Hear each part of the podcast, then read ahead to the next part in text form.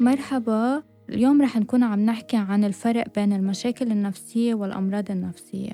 عادة ممكن يكون الشخص عم يتعرض لتراكمات معينة وضغوط. كتير أحيانا أشخاص ما بيفرقوا بمجتمعنا بين الشيء العادي يلي ممكن إنه يقطع فيه الشخص يلي هو بيكون ما بيدل على مشكلة نفسية اضطراب نفسي أو مرض نفسي مثل القلق العادي يلي هو ممكن يكون محفز للشخص لينتج ليعمل شيء معين وممكن يكون عم بيعاني من قلق اللي هو ضمن الاضطرابات النفسية يلي بيكون بحاجة لعلاج. هلأ عادة في عنا اضطرابات نفسية يمكن علاجها ويمكن أنه الشخص من خلال متابعة مع معالج نفسي لفترة معينة يكون عم بيوصل لحالة معينة من التشافي ويكون بصحة نفسية أفضل.